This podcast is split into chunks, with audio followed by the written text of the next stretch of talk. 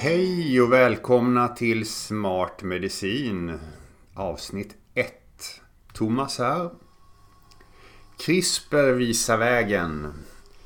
I lördags kom data ifrån kliniska prövningar inom genediteringsområdet. Det var Vertex och CRISPR Therapeutics som skickade ut en pressrelease. Det här är imponerande data enligt mig och det visar tydligt var vi är på väg. Det var 44 patienter med betatalasemi och 31 patienter med sickelcellanemi som de redogjorde för här. Och det här är ju studier som har pågått under flera år på de här patienterna. Vi återkommer lite grann till det. En del har man följt upp under längre tid, andra under kortare tid. Men i alla fall betatalasemi och sickelcellanemi är ju, det är genetiska sjukdomar som, som är ärftliga på olika sätt. Det är mutationer då i gener som producerar proteinkedjor som ingår i hemoglobinet. Och ett fungerande hemoglobin är ju helt vitalt för att vi ska fungera. Det vill säga det hjälper ju de röda blodkropparna att skicka runt syre i kroppen så att det här måste funka. Va? Och I betatalasemi så har man, det kan finna, det finns massa olika varianter av betatalassemi men det finns lindriga varianter det finns allvarliga varianter. Men de som var med i den här studien hade ju en allvarlig variant och de var helt transfusionsberoende. Det vill säga de måste få hela blodtransfusioner regelbundet. Sickelcell är en annan blodsjukdom. Det beror också på mutationer i gener som kodar för kedja i, i hemoglobinet. Va? De här kan ju då producera hemoglobin men det är fel på proteinerna som ingår där eller på proteiner som ingår i betakedjan. Så att det leder till att de här röda blodkropparna som de här patienterna har blir deformerade till ganska hög grad. De ser ut som små halvmånar och de sicklar i blodet. Och det här leder till att man inte flyter runt riktigt. De, de klottar igen och ställer till det både i organ och blodkärl. Så att ehm, de här patienterna i denna studien hade man ju mätt att de hade då minst fyra stycken så kallade vaso-occlusive crisis per år. Och det är ju att det klottar igen och det blir väldigt stora smärtor och problem här. Och det här är allvarligt alltså. De här. Ja, om ni hör något i bakgrunden så håller de på och bygger om här och grejer, byter fönster. Men jag gör ett försök att spela in i alla fall. Till resultatet här som jag tycker var jättekul. De här betatalassemipatienterna hade man följt då i mellan en månad kan man säga upp till 37 månader. Det beror ju på när de kom in i studien, de här 44 patienterna.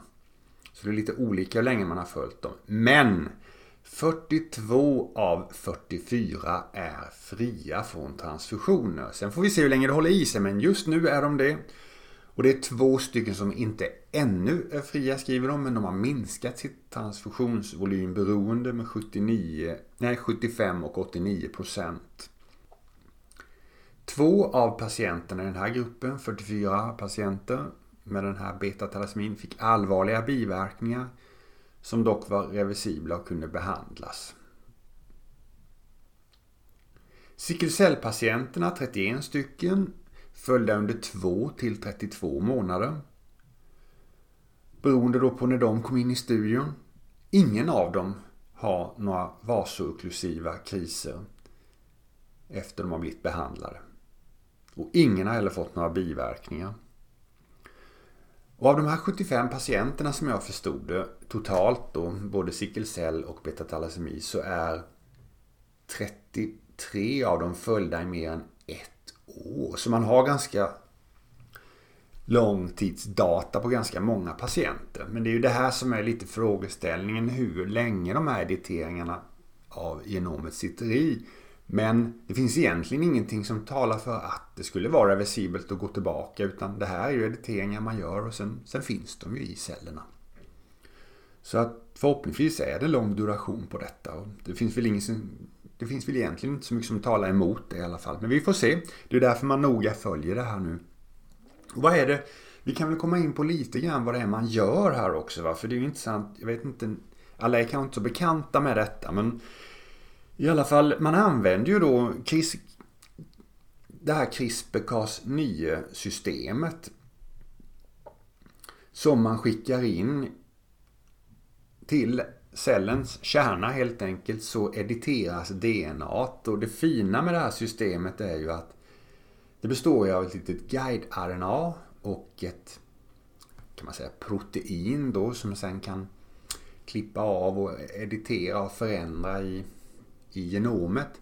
Men det fina är att med hjälp av det här guide-RNA så skickar du detta lilla systemet CRISPR-Cas9 till ett exakt ställe i genomet. Så det blir liksom inte random vad man gör de här förändringarna utan det blir på det stället där det ska bli. Sen kanske det, man mäter ju noga det här med off targets och så vidare om, om, om det sker förändringar på andra ställen. Men i huvudsak sker förändringarna dit där guide-RNA leder så att säga enzymet som ska göra förändringen. Så det är ju det som är så himla bra. Det har ju funnits gener, vad ska man säga, det har ju funnits genterapier under ganska lång tid. De har ju hållit på med detta och då har man ju skickat in gener bara i virus in i kroppens celler och sen vet man ju egentligen inte vad som händer med de här. De kan ju sätta sig på alla möjliga random ställen och, och kan ju ställa till med en hel del. Va? Det kan ju bli cancer och allt möjligt av det. Så att skillnaden, stora, stora skillnaden är ju att man kan liksom guida det till rätt ställe. Det finns många andra skillnader också men det är en, en viktig skillnad som gör det här så himla bra. Va? Och själva den här behandlingen som de gör det är ju att man, man plockar helt enkelt ut stamceller från patienterna utanför kroppen. Så det är en ex vivo-behandling som man säger utanför kroppen. Plocka ut och sen, ja när man har gjort det så editerar man de här med det här CRISPR-Cas9 systemet. Och sen skickar man tillbaka in dem i kroppen. Och då har man då förberett patientens benmärg och kropp på att ta emot nya celler. Det vill säga man har gjort en sån här my, my, myeloablativ behandling. Man i princip ja, ja, radera ut det som finns i benmärgen. Det är kemoterapi då för att liksom ge plats till de här nya cellerna, stamcellerna så att de ska kunna ta sig och börja växa. Och här då, så att man man, man förbereder patienten innan de får de här cellerna. Ja, det var väl egentligen det som, som jag vill ta upp idag. Jag kan väl nämna någonting också om företagen här. CRISPR Therapeutics är ju ett av de här OG-företagen när det gäller genredigering. De var väl ett av de allra, allra första som startade upp och har väl egentligen mest data och mest erfarenhet inom det här området. Har behandlat flest patienter. Och här samarbetar de ju då med ett amerikanskt bolag som heter Vertex. Som de ska väl marknadsföra det här tillsammans. Eller om det är Vertex som tar hand om marknadsföringen sen och CRISPR med håller på med teknikerna, CRISPR Therapeutics. Det finns ju flera andra bolag som håller på med CRISPR-Cas9 och liknande tekniker. Jag kan ju nämna några av dem nu när vi pratar om företagen här. Det är ju Intelia och Editas. Det är också två av de här originalbolagen tillsammans med CRISPR Therapeutics. Sen har vi ju till exempel Beam Therapeutics och vi har Verve. De jobbar med basediteringsteknik. Det är en lite annan teknik. Vi kan titta på det vid tillfälle i något annat avsnitt. Det finns flera företag som håller på med det här. Men alla de här är stationerade då i USA. CRISPR Therapeutics har väl sitt huvudkontor i Schweiz tror jag. Sen vet jag att Kina har många företag som håller på med det här också. Men i Europa är det inte så himla mycket inom EU faktiskt. Här ligger vi ju ganska långt efter kan man väl säga. Det är ju Schweiz då, men det är ju inte med i EU. Så här borde man verkligen försöka komma igång. Men i alla fall, pressreleasen i lördags innehöll imponerande data från CRISPR Therapeutics och Vertex. Nu återstår bara att avsluta det här avsnittet. Tack för att ni lyssnade och på återhörande. Hej då!